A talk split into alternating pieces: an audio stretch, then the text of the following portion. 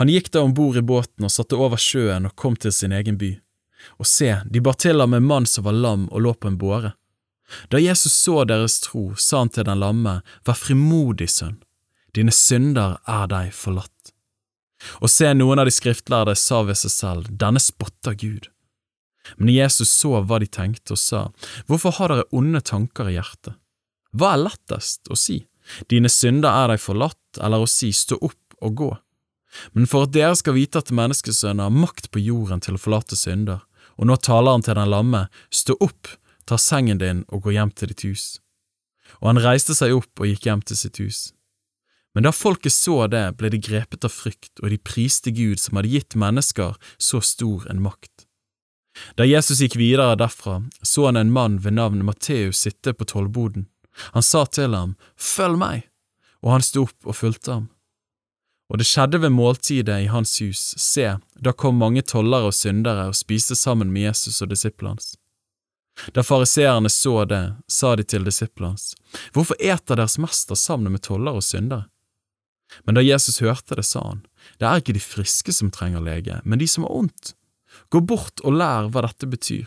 Barmhjertighet er det jeg vil ha, ikke offer. Jeg er ikke kommet for å kalle rettferdige, men for å kalle syndere. Da kom Johannes' disipler til ham og sa, Hvorfor faster vi og fariseerne så mye, men disiplene dine faster ikke? Og Jesus sa til dem, Kan vel brudesvennene sørge så lenge brudgommen er hos dem? Men de dager skal komme da brudgommen blir tatt fra dem, og da skal de faste. Ingen setter en lapp av ukrympet tøy på et gammelt klesplagg, for da river en slik lapp med seg mer av plagget, og riften blir verre. Heller ikke fyller en ny vin i gamle skinnsekker, for da vil sekkene revnes og vin spilles og sekkene blir ødelagt. Nei, ny vin fyller en i nye skinnsekker, da blir begge deler bevart.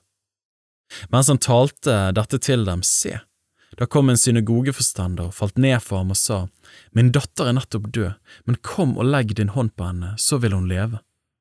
Jesus sto opp og fulgte ham, og disiplene gikk med.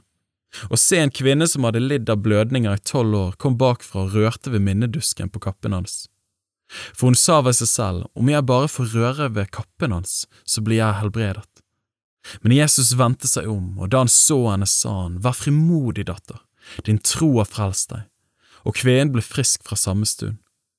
Og da Jesus kom til synagogeforstanderens hus og så fløytespillerne og den larmende hopen, sa han, Gå bort, piken er ikke død, hun sover men de bare lo av ham. Men da folkehopen var drevet ut, gikk han inn og tok piken ved hånden, og hun reiste seg opp. Og ryktet om dette spredte seg over hele landet der omkring. Da Jesus gikk videre derfra, fulgte to blinde menn etter ham og ropte, Miskunn deg over oss, du Davids sønn. Etter at han var kommet i hus, gikk de blinde til ham, og han spurte dem, Tror dere at jeg kan gjøre dette? De svarte, Ja, Herre. Da rørte han ved øynene deres og sa, Det skjer dere etter deres tro. Og øynene deres ble åpnet. Jesus talte strengt til dem og sa, Se til at ingen får vite dette. Men de gikk ut og spredte ryktet om ham over hele landet der omkring. Da disse var gått ut, se, der førte de til ham en stum mann som var besatt. Og da den onde ånden var drevet ut, talte den stumme, og folket undret seg og sa, Aldri har slikt vært sett i Israel. Men fariseerne sa, det er ved de onde ånders fyrste han driver de onde ånder ut. Og Jesus dro omkring i alle byene og landsbyene, han lærte i synagogene deres og forkynte evangeliet om riket, og han helbredet all sykdom og alle plager. Da han så folket, fikk han inderlig medynk med dem, for de var herjet og forkomne som får uten hyrde.